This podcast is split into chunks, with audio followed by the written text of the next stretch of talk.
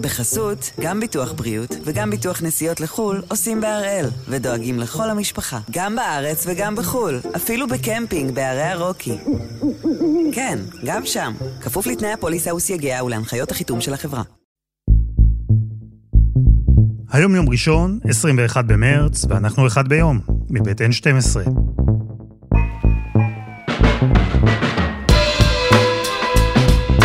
אני אלעד שמחיוף, ואנחנו כאן כדי להבין טוב יותר מה קורה סביבנו. סיפור אחד ביום, כל יום. אין מסך אחד בעולם שבו לא הוקרנו ביומיים האחרונים התמונות האלה. US President Joe Biden has stumbled and fallen several times while running up the stairs of Air Force One. Looks as though President Biden had a little stumble there, but he is okay. We are glad White to House see. officials say President Biden is doing 100% fine after he tripped while walking up the stairs to board. נשיא ארצות הברית עולה על גרם המדרגות שמוביל למטוס הנשיאותי ה-Air Force One, הוא נופל, ושוב נופל, ושוב נופל. במידה רבה נדמה שלא שמענו על ביידן כל כך מאז שנכנס לתפקיד שלו, בדיוק לפני חודשיים. אחרי ארבע שנים שבהן לא היה יום בלי עיסוק נרחב בנשיא טראמפ, יש רוח חדשה שנושבת מהבית הלבן, והרוח הזו מאוד שקטה. אז הפעם אנחנו שואלים, איך נראים השבועות הראשונים בקדנציה של הנשיא ביידן? והאם יכול להיות שמתחת לשקט מסתתרת מהפכה?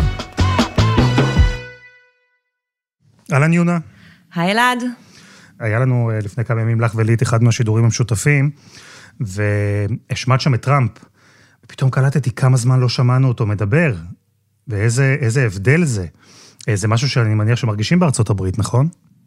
מרגישים לה לחלוטין, אתה יודע, חלפו חודשיים מאז שביידן נכנס לתפקידו, מאז ההשבעה שלו, וזה מרגיש פשוט כמו חודשיים, שרק חודשיים עברו, ואני חושבת שזה מאוד מאוד שונה ממה שראינו מהנשיא הקודם. ובאופן עקרוני, אני חושבת שהנשיאות שלו מאוד מוכתבת מעצם העובדה שהוא אנטי טראמפ, זאת אומרת, גם לטובה וגם לרעה. זה גם התנהלות אה, רגילה אחרת שונה, אבל גם כל הזמן משווים אותו לטראמפ. את מרגישה שינוי בעבודה שלך בין שני הממשלים? קודם כל, כל יום יש אה, תדרוך עיתונאים של אה, דוברת הבית הלבן, כן? שמשודר כמובן בסטרימינג לכל מי שרוצה, אבל יש אפשרות לשאול שאלות, יש כתובת לדבר איתה בבית הלבן, גם במשרד החוץ בכלל. כל היחס לעיתונאים, כמי שזה מאוד לגיטימי לשאול שאלות, לתת תשובות, ו- ויש כותרות גם שמגיעות, כי זה לא איזה ציוץ, את יודעת, קודם כל הציוצים בטוויטר של ביידן הם כבר לא כל כך מעניינים. כאילו, החשבון POTUS כבר לא מנפק כותרות, ויש לי, אתה יודע, התראות בטוויטר כל פעם שהוא מצייץ משהו, אבל זה כבר לא מסעיר כמו לפני זה שבשש בבוקר, אתה יודע, הנשיא מצייץ זה שללא ספק יהיו זיופים בבחירות ודברים מהסוג הזה. טראמפ, עם כל השנאה שלו לתקשורת, וכל העובדה שהוא כל הזמן ירד על ה fake news והכניס אותנו לתוך אה, המונח הזה של עובדות אלטרנטיביות, הוא גם היה העובדה שאנשים צפו וקראו וראו, ובאמת אנחנו רואים אה, דיווחים מהימים האחרונים על ירידה של עשרות אחוזים בצפייה בגילאים מסוימים ב-CNN. לדוגמה, אה, כי הדברים פשוט רגילים, ושוב, יש מגפה, יש משבר, אבל זה כבר לא טראמפ. ואני תוהה אם השקט הזה, השקט התקשורתי הזה לפחות, הוא נובע כי אה, ביידן לא עושה, או כי הוא פשוט עושה אבל אחרת? עושה, אבל אחרת לגמרי, ואני חושבת שגם אין לו הרבה ברירה. כשביידן נכנס לתפקידו בבית הלבן, ארה"ב הייתה בשיא הגל הנוכחי של משבר הקורונה, זה בדיוק היה אחרי חג ההודיה ואחרי חג המולד והזינוק הזה שכולם חששו ממנו, ואחד הנאומים הראשונים שלו בתפקיד, בנאום לאומה, זה היה בעצם איזושהי מחווה לאותם מתים מהקורונה, מאות אלפים. Let me be very clear. Things are going to continue to get worse before they get better. The death toll will likely top 500,000 next month. The cases will continue to mount. הוא אמר, אנחנו נראה איך בחודש הבא, בחודש פברואר, אנחנו כבר נגיע בארצות הברית לחצי מיליון מתים, ולא היה לו הרבה זמן, ישר חותם על הרבה מאוד צווים, שבעצם אמרנו, הכל ביחס לטראמפ, כן, עושה ככה דילית, מוחק את כל מה שטראמפ עשה, וכמובן שמתחיל גם בתוכנית הגדולה, שמתמקדת אה, בשני אפיקים, האפיק הכלכלי, התוכנית הכלכלית והתוכנית הבריאותית. בכל זאת, יש קורונה, צריך להתמודד עם זה, וגם עם הצד של החיסונים. אז בואי נתחיל בחיסונים. איפה טראמפ נגמר וביידן מתחיל? כי בעצם החיסונים התחילו עוד לפני שביידן הושבע לנשיא. תוכנית החיסונים הזו, אה, היא הייתה משהו שקיים פחות או יותר על הנייר, לא ההוצאה של זה לפועל, שאני חושבת שזה הדבר הקריטי ביותר. המערך הלוגיסטי הזה הוא מורכב ביותר, כי אתה יודע, המדענים עשו את העבודה שלהם. הם הצליחו למצוא את החיסון הזה, אה, שבאמת אמור לעשות את המהפכה. אי אפשר לקחת מטראמפ את הקרדיט על העובדה שבזמן שבאמת כל הביקורת על ההתנהלות שלו בזמן משבר הקורונה ועל ההבנה בכלל שמדובר בנגיף מסוכן וכל הזלזול שלו והפיכת המסכות לא למשהו פוליטי, בהחלט אה, ראוי לכל הביקורת על זה. אבל כן הוא הזניק מערך שאחראי במידה ניכרת לא רק לזה שיש חיסונים בארצות הברית, אלא לזה שיש חיסונים בכל רחבי העולם. הכוח הכלכלי הגדול ביותר אמר, אני מכסה אתכם, שם את כל הכסף, תתחילו כבר בייצור של החיסונים, כדי שברגע שנמצא ונמצא חיסון, אפשר יהיה להפיץ את זה, וטראמפ שם על זה באמת בכל הכוח. אבל אז...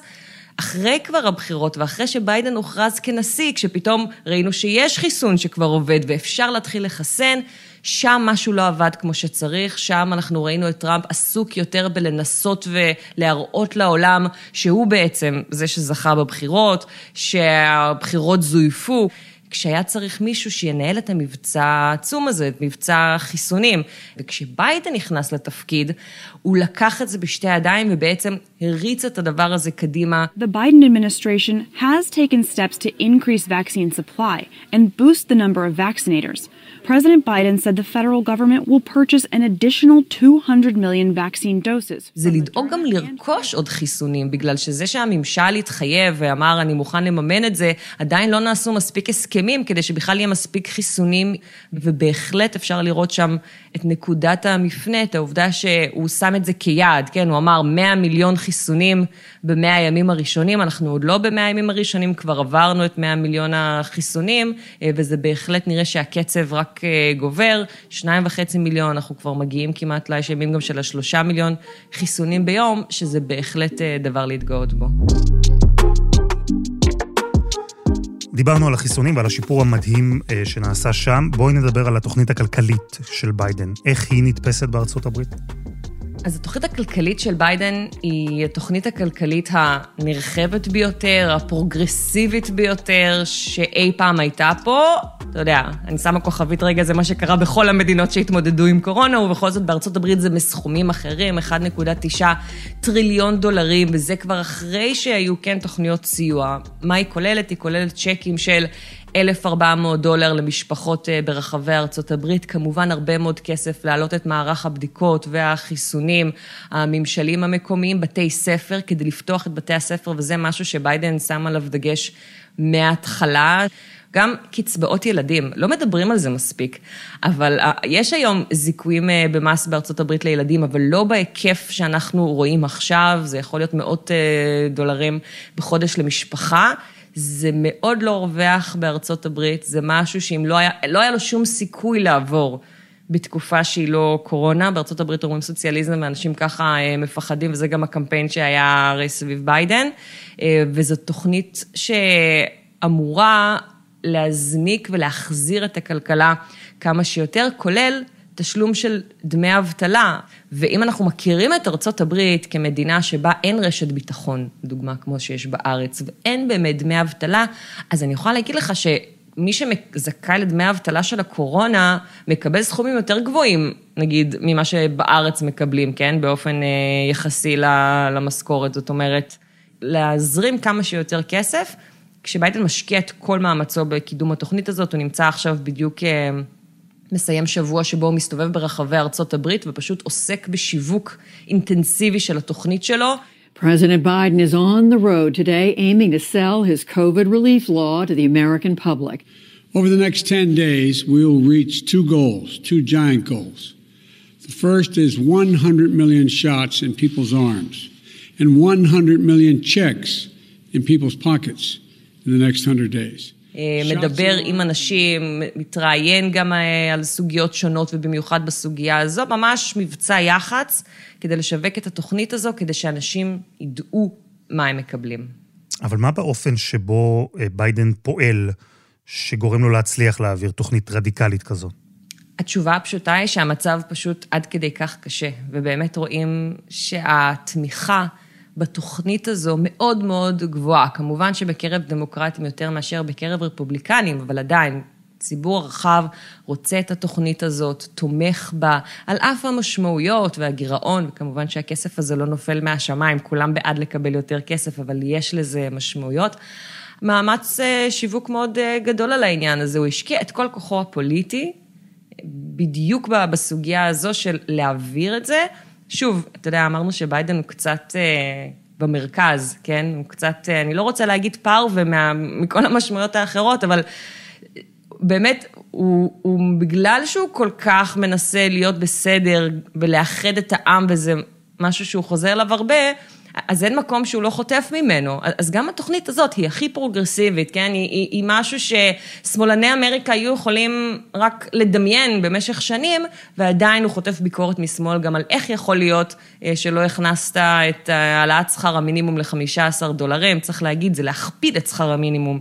אה, אבל באמת זה באיזה מין עולם חדש כזה, לפחות במובן של ההתנהלות הכלכלית, שלא היינו מדמיינים פעם.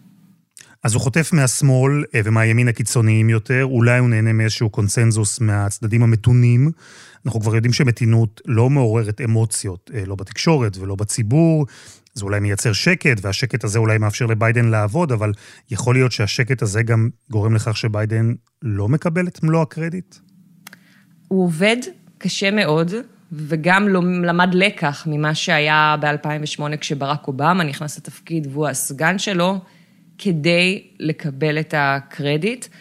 כשברק אובמה נכנס, זה היה בדיוק אחרי המשבר הכלכלי, אז כמובן גם, שוב, תוכנית חילוץ גדולה, אמ, הרבה מאוד מהלכים שהוא עשה כדי לשקם ולסייע למשק.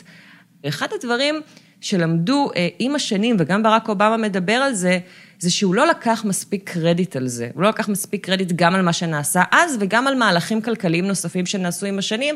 מסע היח"צ הזה שאנחנו רואים את ביידן, זה בדיוק בדיוק כדי לא לחזור לטעות הזו, כדי שכולם ידעו שזה הוא, שזה יהיה מזוהה איתו, זה משהו שגם בארצות הברית יש בחירות כל שנתיים לבתי המחוקקים, ולכן אה, זה משהו שהוא צריך בשביל הקרדיט בהמשך. אני יכולה להגיד לך שהסקרים האחרונים שמתפרסמים, על אה, השיעורים של התמיכה בביידן, באמת מראים שיעורים מאוד מאוד גבוהים. זאת אומרת, באופן עקרוני, אנחנו מגיעים ללמעלה מ-60 אחוזים, כשמסתכלים על הטיפול בקורונה, זה אפילו עוד יותר גבוה, 66 אחוזים, 67 אחוזים, כך גם הטיפול הכלכלי. לצערנו נגיד, הזיכרון הציבורי הוא קצר. אפשר לעבוד וכל הזמן לחזור כל הזמן על הדברים שעושים. אה, שאלה איך הדבר הזה יתבטא בסופו של דבר בקלפי, זה לא רק לביידן הפעם, זה בכלל המפלגה אה, הדמוקרטית, ויהיה מעניין לראות את זה. אין ספק שבצל הקורונה וההשלכות העתידיות שלה, ביידן הוא קודם כל ובראש ובראשונה נשיא פנים איך זה ישפיע על מדיניות החוץ שלו, אה, בפרט כמובן מה שמעניין אותנו, היחס שלו לישראל? כל פעם שואלים אותי, אז מה הוא הולך לעשות לגבי ישראל, ואיך זה הולך להיראות, וכמה זה יעסיק אותו? לא הרבה. הוא לא פנוי לזה עכשיו, זה גם משהו מאוד שונה. אם ברק אובמה התייצב ועשה את הנאום המפורסם שלו בקהיר, והיה באיזה מין מסע של... אה, אה, מדיניות חוץ והפצתה ואיזשהו כזה סדר עולמי חדש, זה ממש לא מה שהולך לקרות עם ביידן, לפחות לא עכשיו, כי הוא נכנס בתקופה של משבר. יש לו את הקורונה ואת המשבר הכלכלי ונושאים אחרים שהוא שם בראש הדברים, כמו משבר האקלים, כמו הדוגמה, אה, המתחים בתוך ארצות הברית. הרבה מאוד דברים שצריך לעשות בתוך ארצות הברית, ולכן באמת, כרגע ישראל היא לא בראש סדר העדיפויות, גם הפלסטינים, גם בענייני איראן, עושים רק את מה שחייבים, מה שיש דדליין. ואותה מהפכה שקטה אה, שמנהל ביידן הפכה לקצת פחות שקטה בימים האחרונים, וזה קרה כשהוא אה, כינה את פוטין רוצח. Most important thing dealing with foreign leaders, in my experience, and I've dealt with an awful lot of them over my career, is just know the other guy. So you know Vladimir Putin, you think he's a killer? Mm-hmm, I do. והיועץ לשעבר של אובמה, מי שמכיר את ביידן היטב, דיוויד אקסלרוד, אמר ליונית לוי בפודקאסט Unholy, שזו נשמעת כמו פליטת פה. I, I don't think he went into an interview with the, the mind toward calling uh, Putin a killer. That word was offered to him and he acknowledged it. I think he probably did go in with a mindset toward saying, we're going to be tough with Russia. אבל עברו כמה ימים וביידן לא חזר בו ולא התנצל. יכול להיות שיש משהו שעומד מאחורי האמירה הזו, בין אם היא הייתה מכוונת ובין אם פליטת פה? יש איזו ציפייה עולמית שארצות הברית תהיה זו שהיא המבוגר האחראי בעולם. היא תגיד מתי פוגעים בזכויות אדם ותוציא גינוי, וכולם מחכים לראות מתי ארה"ב תעשה את זה, מתי יש דברים אחרים להבליג עליהם. ואנחנו רואים את זה קורה, איזה מין חזרה להיות המבוגר האחראי של העולם.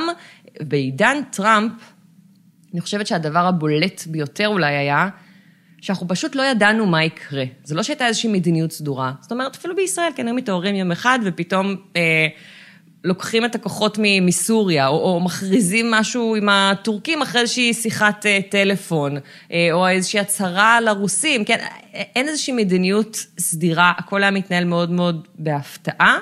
והמדיניות הזאת, היא משפיעה כמובן גם על ישראל, גם בהיבט הפלסטיני. לישראל ברור מאוד מה ממשל ביידן יעשה. אף אחד לא מופתע, אם הם היו מצפים שזה יהיה אחרת, או מעדיפים את גישת טראמפ, יכול להיות שכן, אבל או, ברור שכן, כן, אם מדברים על הממשלה הנוכחית. ועדיין יודעים בדיוק מה התנאים ומה מגרש המשחקים שנמצאים, וגם מול איראן. פעם אנחנו ראינו את נתניהו מגיע לנאום בפני בתי הקונגרס נגד אובמה, וזה נכנס לאיזה מין התנגשות חזיתית.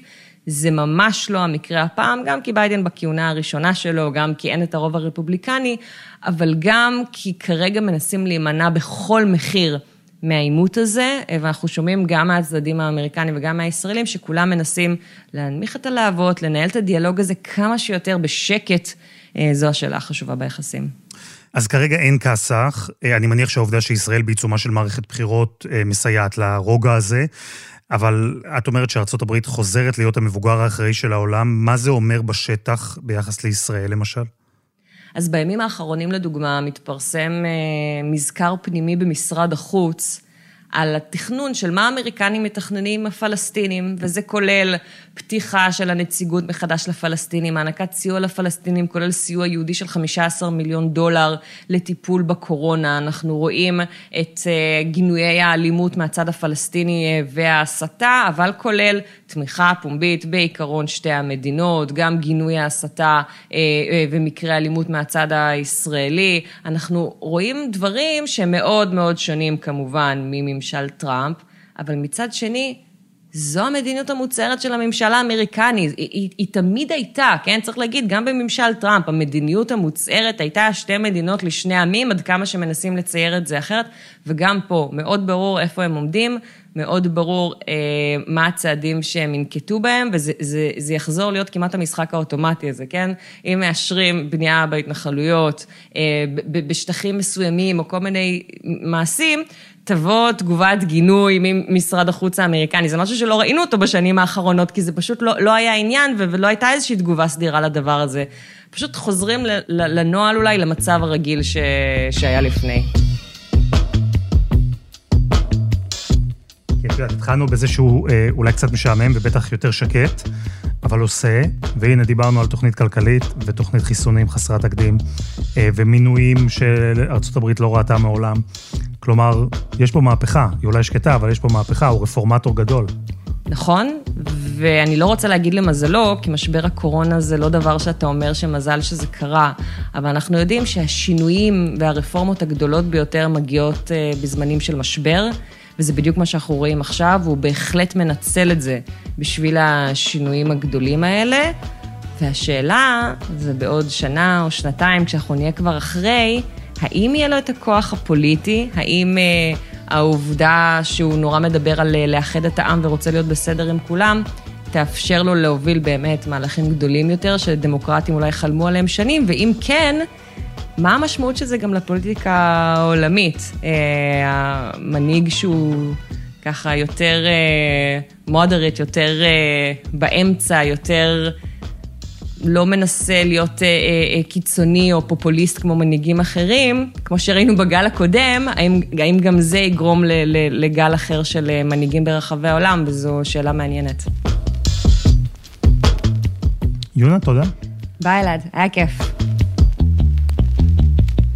וזה היה אחד ביום, מבית N12. אפשר למצוא אותנו ב-N12 ובכל אפליקציות הפודקאסטים. אתן יותר ממוזמנות ואתם יותר ממוזמנים לעקוב אחרינו כך שתוכלו לקבל בכל בוקר את הפרק החדש, ואם אהבתם את אחד ביום, אנחנו מאוד נשמח אם תדרגו. העורך שלנו הוא רום אטיק, בצוות עדי חצרוני ודני נודלמן, על הסאונד יאיר בשן, ואני אלעד שמחיוף, ואנחנו נהיה כאן גם מחר.